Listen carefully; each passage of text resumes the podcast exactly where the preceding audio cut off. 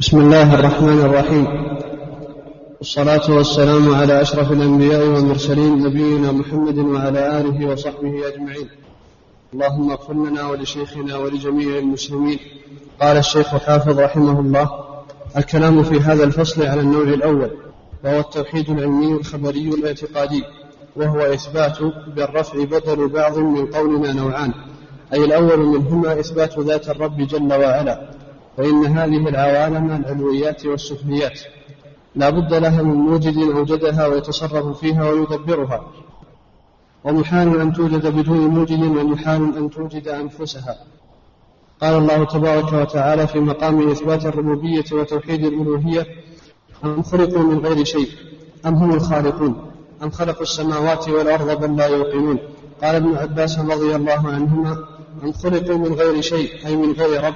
ومعناه أخلقوا من غير شيء خلقهم فوجدوا بلا خالق وذلك مما لا يجوز أن يكون. لأن تعلق الخلق بالخالق من ضرورة الاسم فلا لأن لأن تعلق لأن تعلق الخلق بالخالق من ضرورة الاسم فلا بد له من خالق. فإن أنكروا الخالق لم يجوز أن يوجدوا بلا خالق. أم هم الخالقون لأنفسهم؟ وذلك في البطلان أشد لأن ما لا وجود له كيف يخلق؟ فإذا بطل الوجهان قامت الحجة عليهم بأن لهم خالقا فليؤمنوا به. أم خلق السماوات والأرض؟ وهذا في البطلان أشد وأشد. فإن المسبوق بالعدم يستحيل أن يوجد بنفسه فضلا عن أن يكون موجدا لغيره. وهذا إنكار عليهم في شركهم بالله عز وجل. وهم يعلمون أنه الخالق لا شريك له. بل لا يوقنون. أي ولكن عدم إيقانهم هو الذي يحملهم على ذلك. هذا الدليل العقلي. دليل عقلي شرعي. الشرع إذا استخدم دليلا عقليا صار هذا الدليل عقليا شرعيا. هذا الدليل العقلي أن كل حادث لا بد له من محدث. هذا هو الدليل العقلي. هذا الدليل العقلي يؤمن به اليهودي والنصراني والمسلم والملحد وكل أحد وأن كل حادث لا بد له من محدث. فلو رجع الإنسان إلى سيارته ووجد أنها قد حركت من موضعها إلى موضع آخر أو أخذت.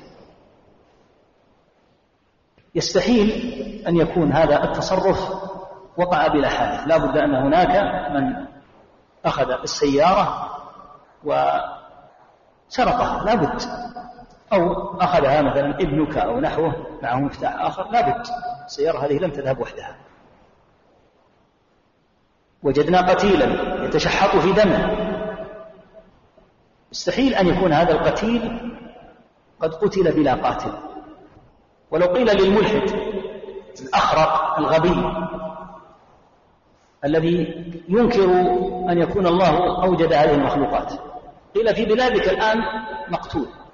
هذا المقتول الذي ترى الرصاصات الآن في رأسه وترى دمه الآن يسيل هذا المقتول لم يقتله أحد. هكذا فجأة انطلقت رصاصات لا يدرى من أين والموضع ليس فيه أي إنسان ودمه الآن ينزف دون أن يتسبب أحد في قتله. يقول هذا كلام المجانين. نقول فأنت أجن وأخبث. إذ تعتقد أن العالم بأسره بعلوية وسفلية وجد بلا موجد وأنت تأبى في أفراد الأحداث أن تقر بأنها وجدت بلا موجد. فإذا قتل القتيل قلت مستحيل ولا بد مما يسميه بالخيط الذي يوصلني إلى القاتل. لماذا تعني نفسك وتتعبه؟ لأن الحادث لا بد له من محدث يقول صحيح. هذا حادث وهو القتل لا بد من محدث وهو قاتل. قتل هذا المقتول. قال هذا العالم كله حادث. بأفلاكه ومخلوقاته العلوية ومخلوقاته السفلية ومنهم أنت أيها الملحد أنت وجدت بعد أن لم توجد من أربعين سنة ما كنت موجودا إذا كان عمره مثلا أربعين. ثم وجدت. لا شك أن هناك من أوجدك كما أن هذا القتيل لا بد أن هناك من قتله.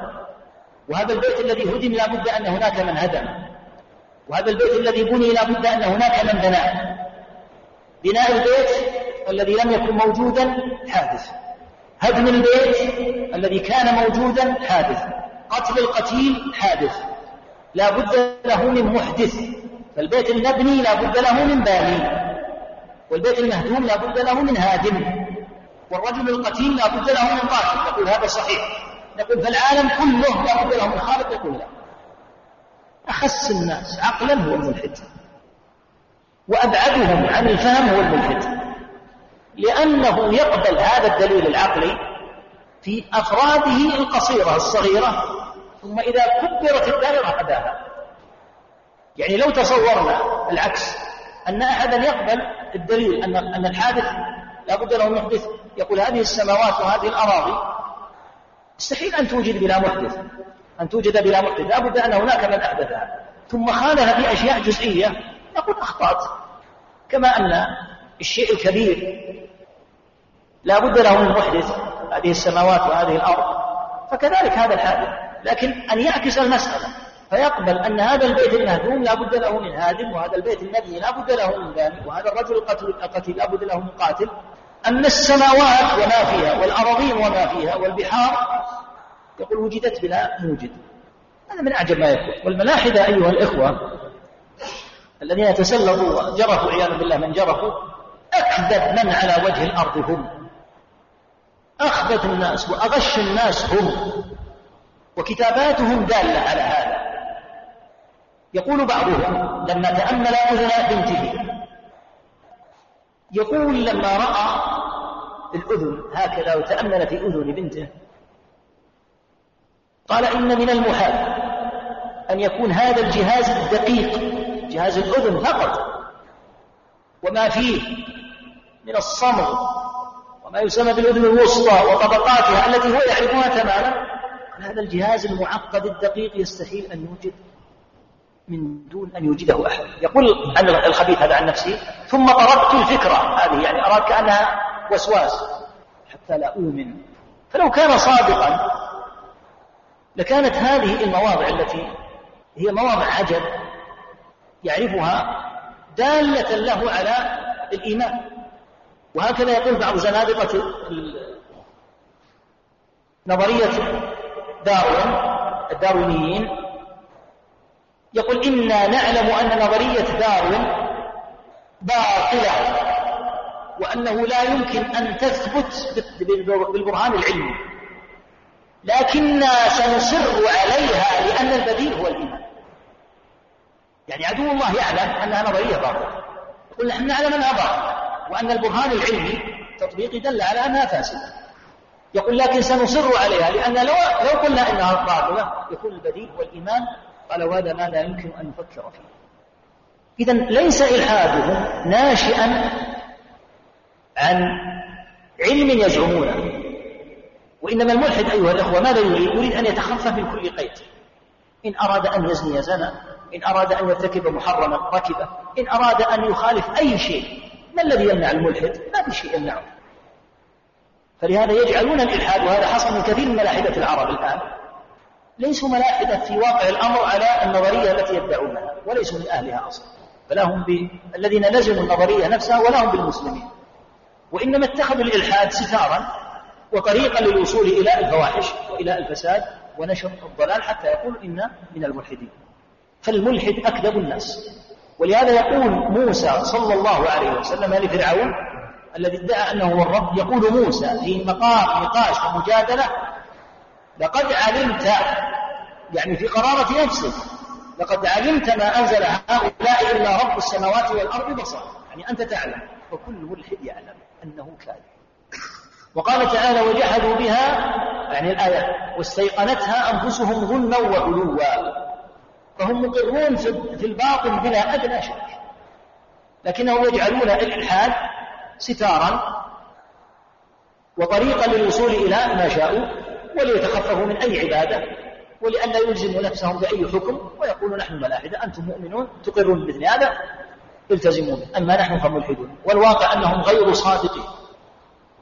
ولهذا يقول كثير منهم من هؤلاء الملاحدة إن التجارب التي يقفون عليها أن الله سبحانه وتعالى جعل وله الحكمة البالغة سبحانه وبحمده جعل كثيرا من التجارب في مجال الطب في مجالات عدة في التصنيع وحتى في الاكتشافات العامة في الفلك وفي غيره على يد ملاحدة.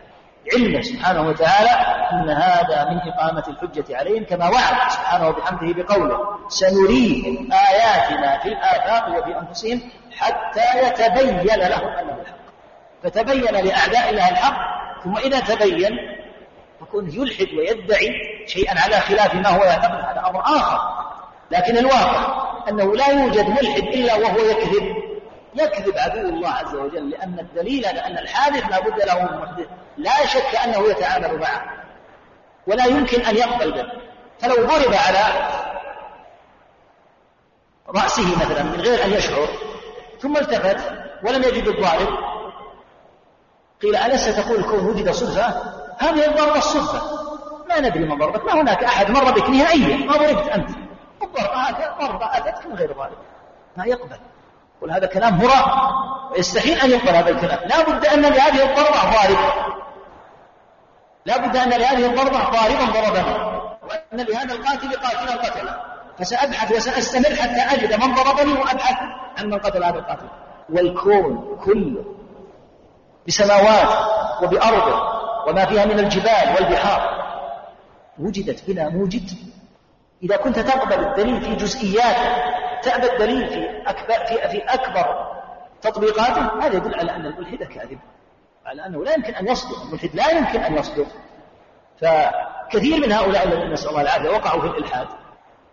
لا شك أنهم جهلة جهلة بطريقة الاستدلال نفسها وإقامة الحجة على الملحد وجهلة بحقيقة الملحدين لأن الإلحاد كيف سود وكيف انتشر خاصة في القرن الماضي. المسمى القرن الماضي يسمى القرن التاسع عشر. وأكثر ما نشره أن غلف الإلحاد في في في تغليف العلم الحديث خاصة في مجال الفيزياء. فانتشر بحيث يظهر أن المؤمن متخلف ما يفهم والذي يفهم هو الملحد لأن انتشر في أوروبا من هذه الجهة واستخدمت الفيزياء في هذا المجال. فكان تعريف المادة من أكبر أسباب وقوعهم في الإلحاد. فجعل الله في التجارب التي تقع على يد الملاحدة أنفسهم ما يظهر بطلان تعريفهم للمال وهو الحكيم العليم القادر على كل شيء سبحانه. لأنهم كانوا يقولون لا نؤمن إلا بالموجود المحسوس تريدني أن أؤمن بأي شيء اجعله تحت المكبر المجهر أنظر إليه. إما أن أراه أو أن أستطيع أن أضعه تحت التجربة. غيره من الغيبيات اتركني منها. فجاءت غيبيات في التجارب نفسها. غيبيات في نفس التجارب. وجدت مقدمة. ووجدت نتيجة علمية الذي بينهما غير معروف. غيب غير موجود. وصاروا يؤمنون تماما بأن ثمة أمورا لا يمكن أن تخضع للتجربة ويقرون بالجاذبية وبالأشياء المتعلقة بالكهرباء وغيرها. ويقول لا نستطيع أن نراها ولا نستطيع أن نجعلها تحت التجربة لكن نؤمن بها. من لا يؤمن بالجاذبية عنده ماذا لا يفهم؟ الجاذبية أعطنيها دعني أراها. أمسها. دعها تكون مسموعة ملموسة. أقول لا. فلو قلت أنا لا أؤمن بالجاذبية يقول أنت متخلف ما تفهم ألست تقول أنه لا بد أن يكون الشيء تحت المجهر. أنت لا تؤمن بالملائكة لأنك لا تراها الجاذبية أنا إذا قلت لك أنا لا أؤمن بالجاذبية لا أراها ماذا تقول عني؟ تقول إنك جاهل أقول والله إنك لا أجهل. أن تترك ما ذكر رب العالمين الذي لا يعزب عنه مثقال ذرة في السماوات ولا في الأرض. ثم نفس النظرية التي تجحد بها الملائكة تقبل من خلالها الجاذبية فلهذا الملاحدة متناقضون. لا تعجب يا أخي إذا سمعت الانتحار. هؤلاء قد جعلت لهم نار في الدنيا قبل نار الآخرة. نار مستعرة في الداخل. فيهم من عذاب الله الأليم في داخلهم ما لا يعلمه إلا علام الغيوب سبحانه وبحمده. يتولى عز وجل عقوبتهم في الدنيا قبل الآخرة. لهذا بعض كبارهم ينتحر. نعم لأن الاضطراب الهائل الشديد في المباهته والمعاندة بالحق على النحو الذي هم يفعلونه يقلبه الله تعالى عذابا ونارا عليهم الدنيا فالملاحدة غير صادقين بتاتا ولهذا لولا يعني أن لا نريد يعني تطويل المقام الأحداث العظام الهائلة عند الزلازل عند البراكين عند الإعلان عن سقوط الطائرات هذا الملحد الذي أمضى سبعين سنة في التأليف وفي المؤتمرات هو أكثر من يصرخ يا رب يا رب عند الأحداث أول من يصرف هو. لأن فطرته موجودة. يعلم أن الله تعالى هو رب فيدعو هذا الرب الذي هو يعلم حقا أنه تعالى هو الذي أوجده من العدم يدعوه ويصرخ بأعلى صوته. ولهم في هذا قصص عجيبة جدا عند وجود الضرورة العظيمة والأمر المخوف. وسلفهم عدو الله الأكبر فرعون. فلما أدركه الغرق قال آمنت أنه لاحظ لا إله إلا الذي آمنت به بنو إسرائيل. يريد يذهب مع بني إسرائيل ويؤمن كما آمن. المهم أن ينجو. هكذا هم. هم هكذا. عند الضرورات يتبينون. ولهذا في الأحداث التي يعني تقع فيها عبرة كالطائرة التي كانت يعني أعلن عن سقوطها من طرائقهم. يعني إذا من الأنظمة يعني أنه إذا كانت الطائرة ستسقط لابد أن يخبر القائد لابد أن يخبر الركاب إذا انفلت الزمام من يده. فأحد المسلمين كان يقرأ القرآن ما علم أنه أنه الطائرة يختم نفسه. فصار هذا الملحد بجانبه من نفس بلده يصيح يقول أرجوك اقرأ القرآن أرجوك ادعو ربك. ما الذي جعلك تنطق؟ كان في هذه الحالة كانت يقول له لو كان صادقا يقول الآن ستنتهي الدنيا وأنت لا تزال تفكر بهذه الطريقة. تعتقد بالقرآن تعتقد برب لماذا صار يرجو هذا المؤمن أن يقرأ القرآن؟ ويرجو أن يدعو ربه. يعني يقر أن, أن الرب عز وجل موجود. سبحانه وبحمده. لكن الإلحاد غلف بغلاف العلم وبغلاف الفهم. فمضى على كثير من الحمقى الذين لا يفهمون حقيقة الملاحد فالحاصل أن وجود الرب سبحانه وتعالى أعظم ما يكون في البرهنة عليه أعظم برهان هو وجود رب العالمين. والدليل على وجود رب العالمين وجودك أنت أم خلقت وقد خلقتك من قبل ولم تك شيئا؟ فوجود المخلوقات دال على وجود الخالق سبحانه وبحمده. ولهذا قال تعالى وفي أنفسكم أفلا تبصرون؟ وهكذا ما سيسوقه رحمه الله تعالى في هذا المقام. المقام هذا الشيخ رحمه الله الشيخ حافظ رحمة الله تعالى عليه يعني أشبع هذا المقام بالنصوص التي ستسمع إن شاء الله تعالى من الآيات وتفاسيرها وبالمحاجة التي بين إبراهيم وبين آه، النمرود وبين موسى. وبين فرعون ومقولات الأئمة كأبي حنيفة والشافعي وأحمد رحمه الله رحمهم الله وما ذكر في مثل هذا المقام هذا مقام آه، تعب فيه رحمة الله تعالى عليه ووفاه يعني حق التوفيق رحمة الله تعالى. نعم. بسم الله. وعن جبير بن مطعم رضي الله عنه الآية يعني أن بينها أم خلقوا من غير شيء؟ أي من غير خالق موجد. هذا باطل. كما تقدم يعني الحادث لابد له أم هم الخالقون؟ يعني هناك أكثر من خيار. أو وجد من غير موجد هذا مستحيل لأن الحادث لابد له محدث وهذا قلنا يتفق عليه الجميع. أم هم الخالقون الذين خلقوا أنفسهم وأوجدوها؟ هذا أبعد وأشد. فإذا بطل الأول أنهم خلقوا من غير خالق وبطل الثاني أنهم خلقوا أنفسهم يتعين أن لهم خالقا خلقهم. هذا وجه نعم. وعن جبير بن مطعم رضي الله عنه قال سمعت رسول الله صلى الله عليه وسلم يقرأ في المغرب بالطور فلما بلغ هذه الآية أم خلقوا من غير شيء أم هم الخالقون أم خلقوا السماوات والأرض بل لا يوقنون أم عندهم خزائن ربك أم هم المسيطرون كاد قلبي أن يطير أخرجه في الصحيحين. بأنه يا شيخ. كاد قلبي بأن يطير؟ أن يطير. وكثيرا ما يرشد الله تبارك وتعالى عباده إلى الاستدلال على معرفته بآياته الظاهرة من المخلوقات العلوية والسفلية كما قال تعالى وفي الأرض آيات للموقنين أي فيه من الآيات الدالة على عظمة خالقها وقدرته الباهرة مما قد جرى فيها من صنوف النبات والحيوانات والمهاد والجبال والقفار والأنهار والبحار واختلاف ألسنة الناس وألوانهم وما جبلوا عليه من الإرادات والقوى. وما بينهم من التفاوت في العقول والفهوم والحركات والسعادة والشقاوة وما في تركيبهم من الحكم في وضع كل عضو من أعضائهم في المحل الذي هو محتاج إليه فيه. ولهذا قال عز وجل وفي أنفسكم أفلا تبصرون؟ قال قتادة من تفكر في خلق نفسه علم أنه إنما بنيت مفاصله للعبادة وكذا ما في ابتداء الإنسان من الآيات العظيمة إذ كانت نطفة ثم علقة ثم مضغة ثم عظاما إلى أن يفخ فيه الروح. وقال تعالى والسماء بنيناها بأيد وإنا لموسعون والأرض فرشناها فنعم الماهدون ومن كل شيء خلقنا زوجين لعلكم تذكرون.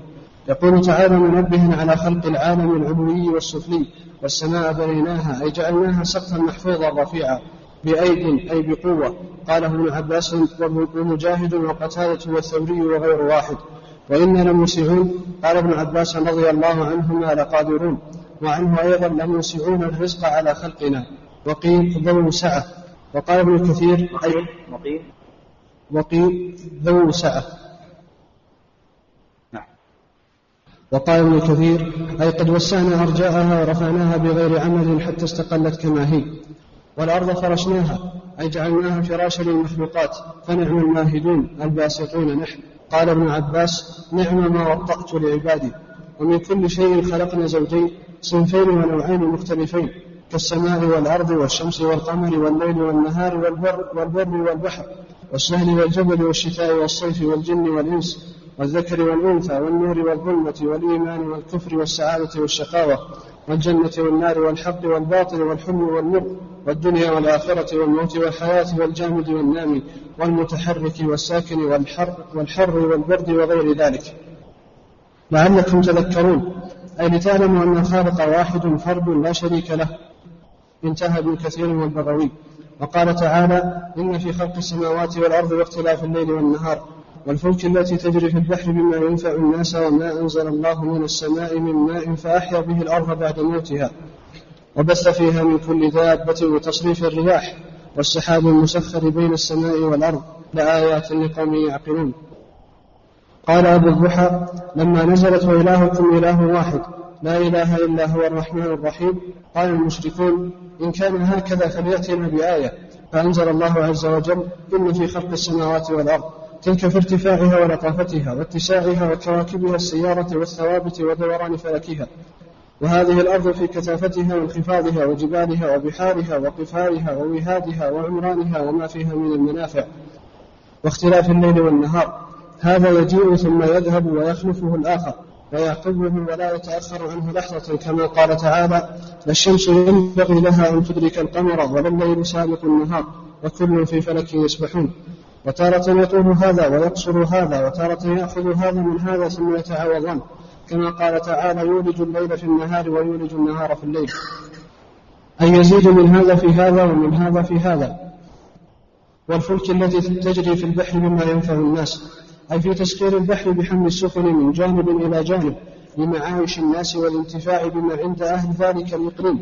ونقل هذا إلى هؤلاء. وما أنزل الله من السماء من ماء فأحيا به الأرض بعد موتها. كما قال تعالى وآية لهم الأرض الميتة وأحييناها وأخرجنا منها حبا فمنه يأكلون. إلى قوله ومما لا يعلمون. وبث فيها من كل دابة على اختلاف أشكالها وأنواعها وألوانها ومنافعها وصغرها وكبرها. وهو يعلم ذلك كله ويرزقه لا يخفى عليه شيء من ذلك كما قال تعالى وما من دابة في الأرض إلا على الله رزقها ويعلم مستقرها ومستودعها. كل في كتاب مبين وتصريف الرياح فتارة تأتي بالرحمة وتارة تأتي بالعذاب وهي الريح وتارة تأتي مبشرات بين يدي السحاب. وتارة تسوقها وتارة تجمعه وتارة تفرقه وتارة تصرفه ثم تأتي ثم تارة تأتي من الشمال وهي الشامية وتارة تأتي من ناحية اليمن وتارة صبا وهي الشرقية وتارة دبور وهي الغربية وغير ذلك. وتارة تأتي من ناحية اليمن وتارة صبا وهي الشرقية. صبا وتارة صبا وهي الشرقية وتارة دبور وهي الغربية وغير ذلك والله أعلم. والسحاب المسخر بين السماء والأرض أي سائر بين السماء والأرض مسخر إلى ما يشاء الله من الأراضي والأماكن كما يصرفه تعالى. لآيات لقوم يعقلون. أي في هذه الأشياء دلالات بينة على وحدانية الله تعالى لقوم يعقلون. فيعلمون أن لهذه الأشياء خالقا وصانعا غنيا بذاته وكل ما سواه فقير إليه. قائم بذاته وكل ما سواه لا يقوم إلا به. قدير لذاته وكل ما سواه عاجز لا قدرة له إلا بما أقدره. متصف بجميع صفات الكمال وكل ما سواه فلازمه النقص وليس الكمال المطلق إلا له وهو الله تبارك وتعالى. وقال تبارك وتعالى ومن آياته أن خلقكم من تراب ثم إذا أنتم بشر تنتشرون. ومن آياته أن خلق لكم من أنفسكم أزواجا لتسكنوا إليها وجعل بينكم مودة ورحمة. إن في ذلك لآيات لقوم يتفكرون. ومن آياته خلق السماوات والأرض واختلاف ألسنتكم وألوانكم. إن في ذلك لآيات للعالمين. ومن آياته منامكم بالليل والنهار وابتغاؤكم من فضله. إن في ذلك لآيات لقوم يسمعون. ومن آياته يريكم البرق خوفا وطمعا. وينزل من السماء ماء فيحيي به الأرض بعد موتها. إن في ذلك لآيات لقوم يعقلون ومن آياته أن تقوم السماء والأرض بأمره ثم إذا دعاكم دعوة من الأرض إذا أنتم تخرجون.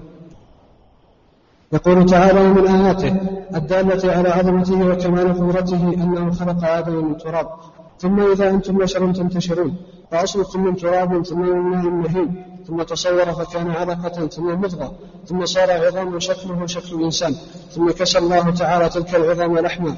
ثم نفخ فيها الروح فإذا هو سميع بصير. ثم أخرج من بطن أمه صغيرا ضعيف القوة والحركة.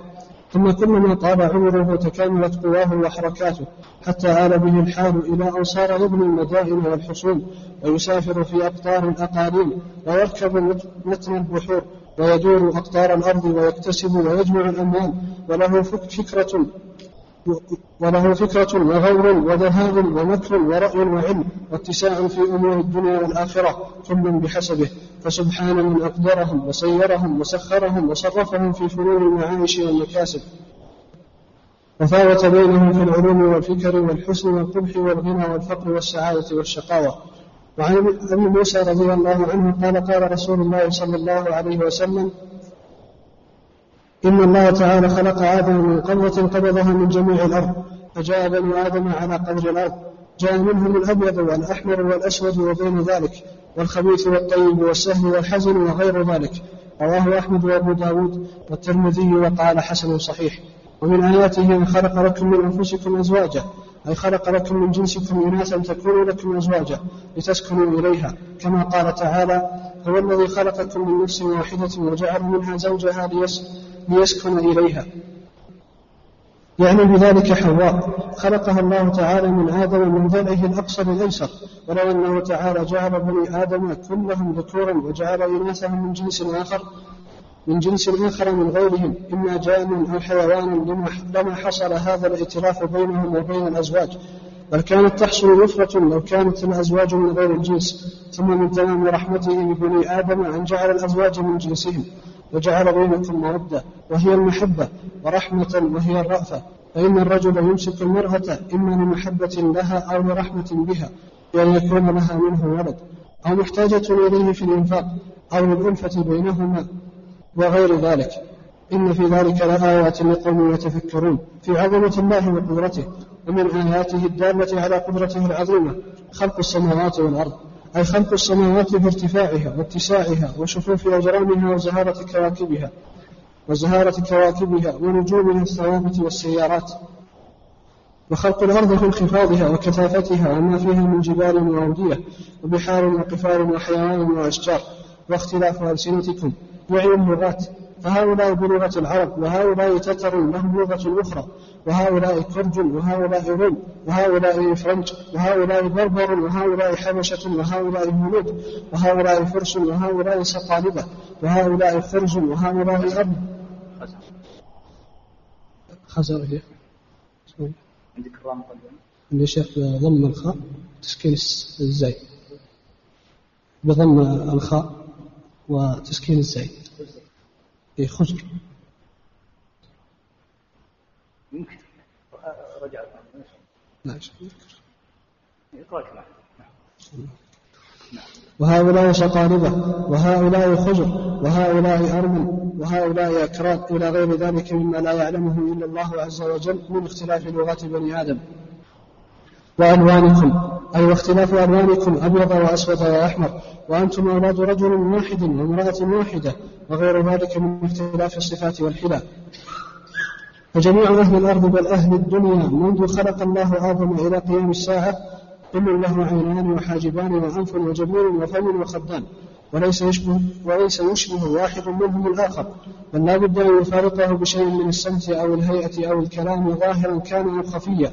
يظهر عند التأمل. كل وجه منهم كل وجه منهم أسلوب بذاته وهيئة لا تشبه الأخرى. ولو توافق جماعة في صفة من جمال أو قبح لا بد من لا بد من فارق بين كل واحد منهم وبين الآخر. إن في ذلك لآيات للعالمين. ومن آياته منامكم بالليل والنهار وابتغاؤكم من فضله. أي ومن الآيات ما جعل الله من صفة النوم في الليل فإن فيه تحصل الراحة وسكون الحركة وذهاب الكلام والتعب وجعل لكم الانتشار والسعي في الأسباب والأسفار في النهار وهذا ضد النوم. إن في ذلك لآيات لقوم يسمعون. سماع تدبر واعتبار. ومن آياته الدالة على عظمته أنه يريكم البرق خوفا وطمعا. أي تارة تخافون مما يحدث بعده من أمطار مزعجة وصواعق متلفة وتارة ترجون وميضه وما يأتي بعده من المطر المحتاج إليه. ولهذا قال تعالى وينزل من السماء ماء فيحيي به الأرض بعد موتها. أي بعد أن كانت هامدة لا نبات فيها ولا شيء. فإذا أنزلنا عليها الماء اهتزت وربت وأنبتت من كل زوج بهيج.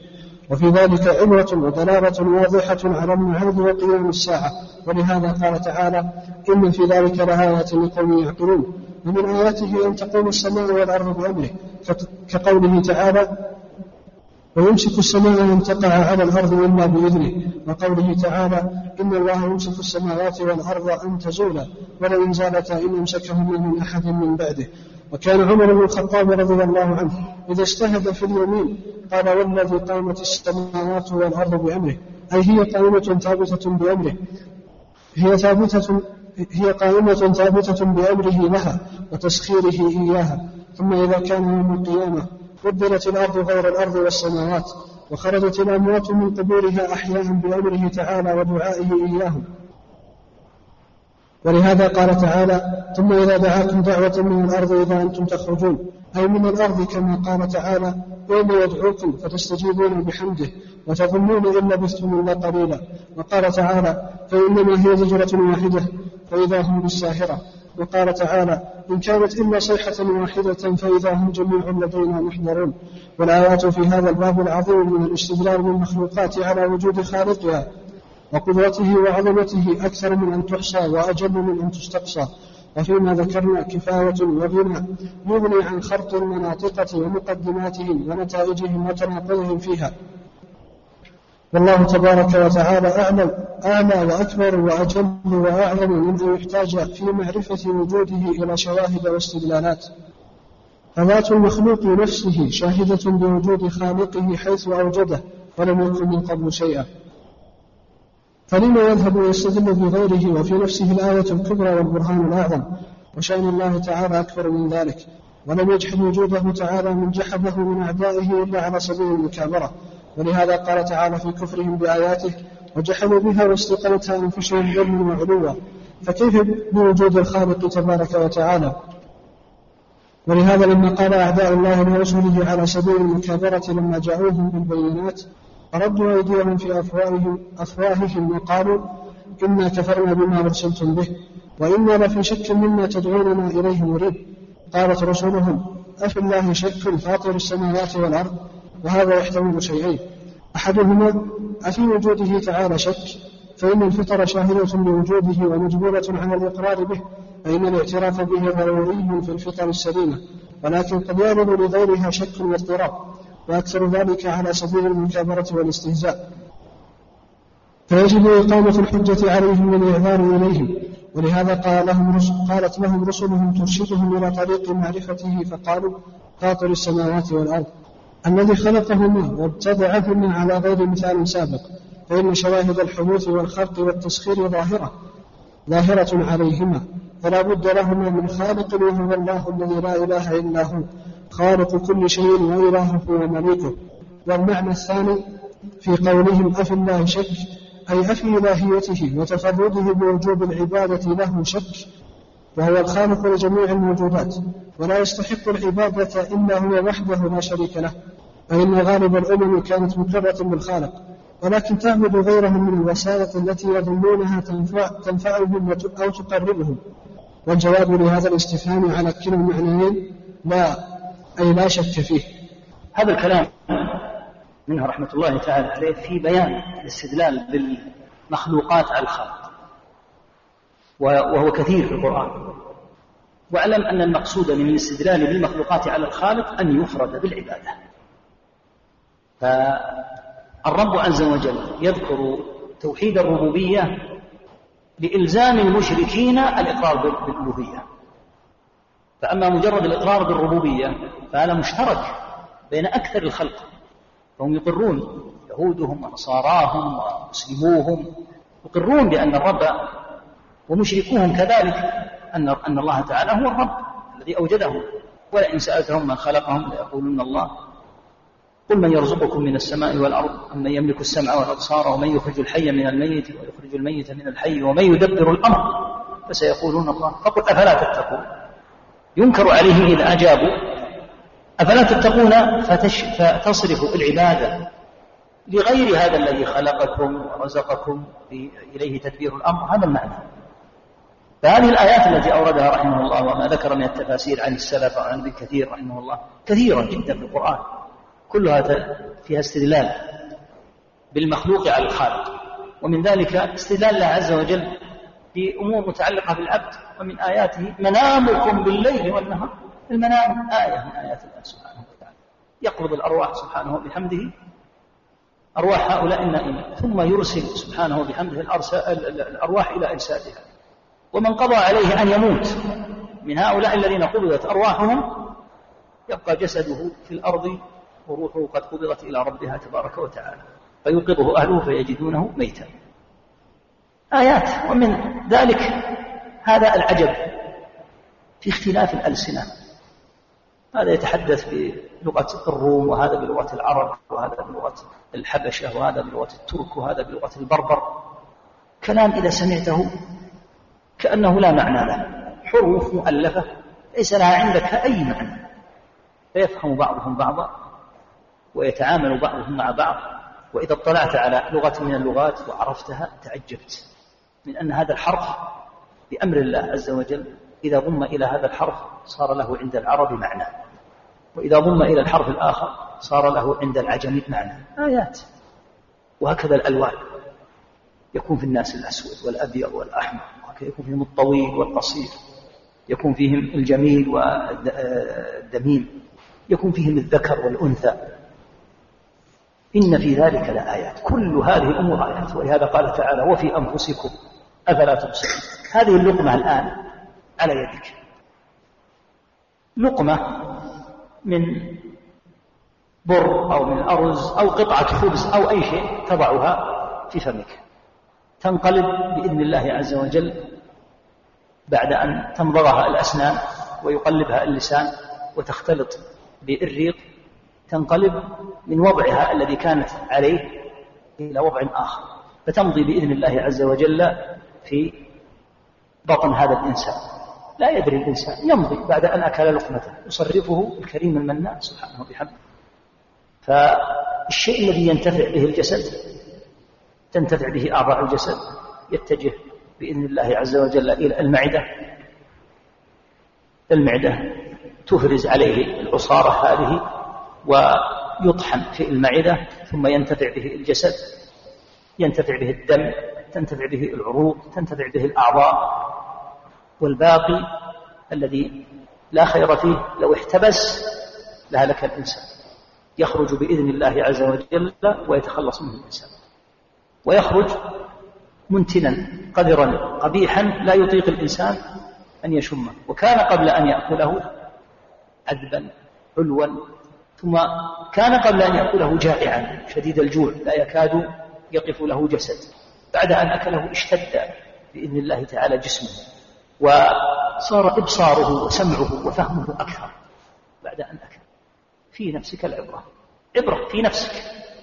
آية في نفس الإنسان. وفي أنفسكم أفلا تبصرون. وهكذا بإذن الله عز وجل ما جعل الله عز وجل في القلوب. ولهذا من يوفق ممن يعتنون بالطب أو بغيره ويدرسون أحوال هذه الأعضاء. يكون ذلك من أسباب رسوخ الإيمان في قلوبهم. إذا علم ما في الجسد من التفاصيل الدقيقة بإذن الله سبحانه وبحمده وأن هذه الأمور موجودة حتى في النمل وفي الذر يوصل الله تعالى إليها رزقها سبحانه وبحمده يوصل إليها رزقها وتنتفع به والذي خارج نفعه تخرجه بإذن الله تبارك وتعالى وتتخلص منه. وكل يأتيه رزقه في بره وفي بحره وفي جوه. حتى الطيور التي في السماء تطير قد تكفل سبحانه وتعالى. وبحمده سبحانه وبحمده برزقه. تحرك صخرة حصاة في البرية. فتجد تحتها أمة كاملة من هذه الدواب. تحت هذه الحصاة. من ساق إليها رزقها؟ سبحانه وبحمده.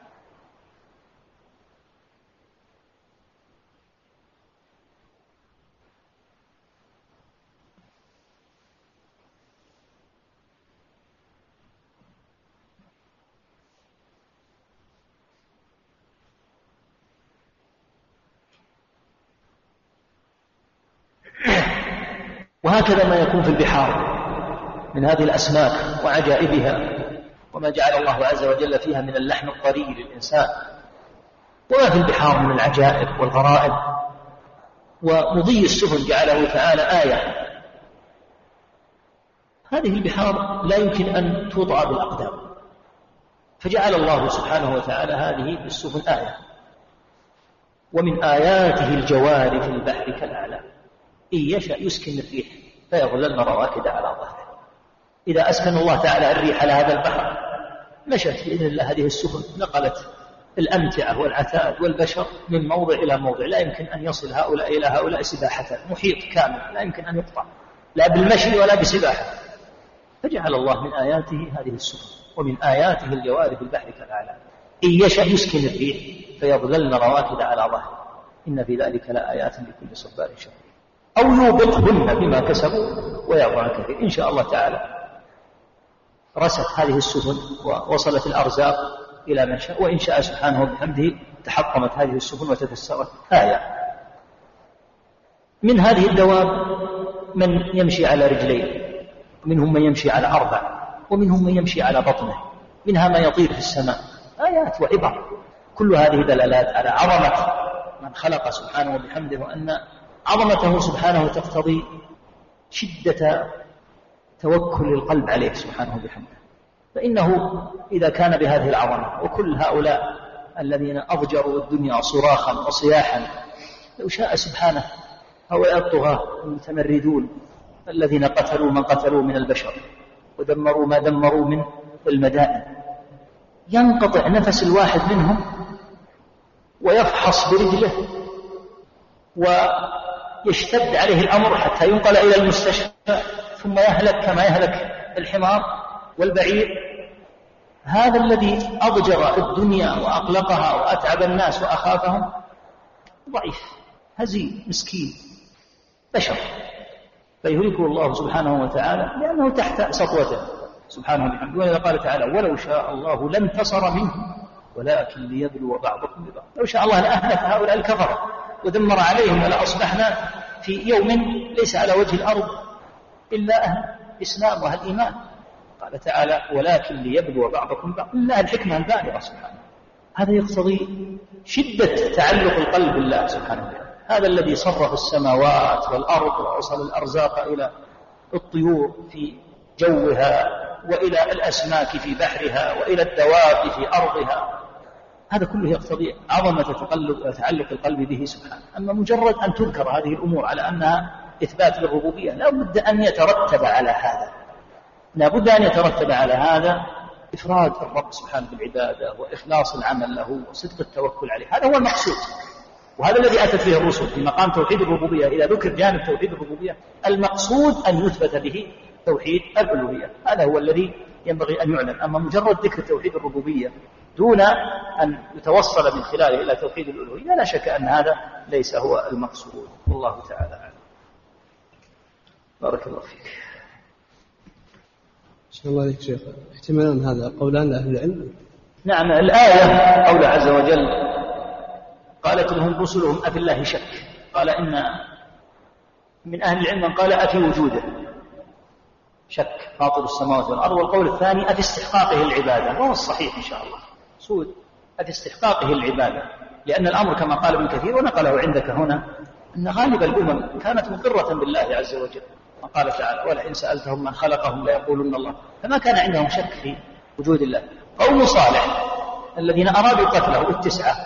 وكان في المدينة تسعة رهط يفسدون في الأرض ولا يصلحون. قالوا تقاسموا بالله. يقرون بالله ويقسمون بالله سبحانه وتعالى. ولهذا كانوا يعترضون على الرسل أنه لو شاء الله لأنزل ملكا. لماذا لا ينزل الله ملكا؟ لأنهم يقرون أن الله تعالى موجود. فالرسل عليهم الصلاة والسلام تناقشهم في استحقاق الله للعبادة.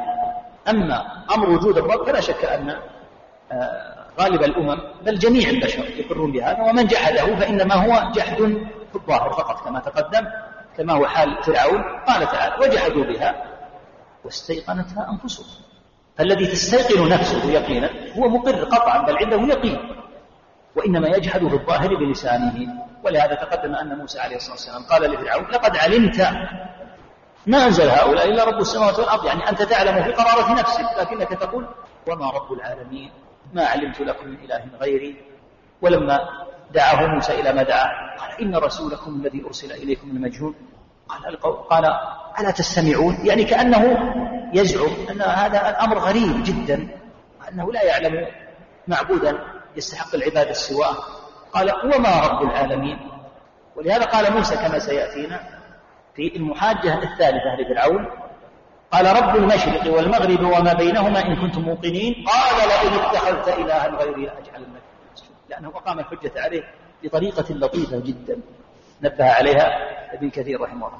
قال قوله رب المشرق والمغرب وما بينهما مثل قول إبراهيم فإن الله يأتي بالشمس من المشرق فأتي بها من المغرب. يعني أن موسى يقول لك كما سيأتينا إن شاء الله تعالى؟ إذا كنت تزعم أنك رب العالمين أنك رب العالمين فهذا هو الشرق الآن وهذا هو الغرب. اجعل الغرب شرقا والشرق غربا إن كنت صادقا. فلهذا قال لا إن اتخذت إلها غيري بدأ بالتهديد. أما في البداية فيقول إن رسولكم الذي أرسل إليكم لمجنون. قال لمن حوله ألا تستمعون؟ لا يزال الأمر في الهدوء. لما قال له رب المشرق والمغرب وما بينهما أي تجعل الشرق شرقا غربا. واجعل الغرب شرقا إن كنت ربا. لم يستطع الجواب. كما بهت الذي كفر لما قال له إبراهيم فإن الله يأتي بالشمس من المشرق فأتي بها من المغرب فلم يلجأ إلا إلى التهديد. لئن اتخذت إلها غيري لأجعلنك من المسجونين فلا شك أنهم يقرون وجود الله تعالى ولهذا كان نقاش الرسل عليهم الصلاة والسلام لهم هو في أمر العبادة لا في أمر إثبات الوجود. بارك الله فيك.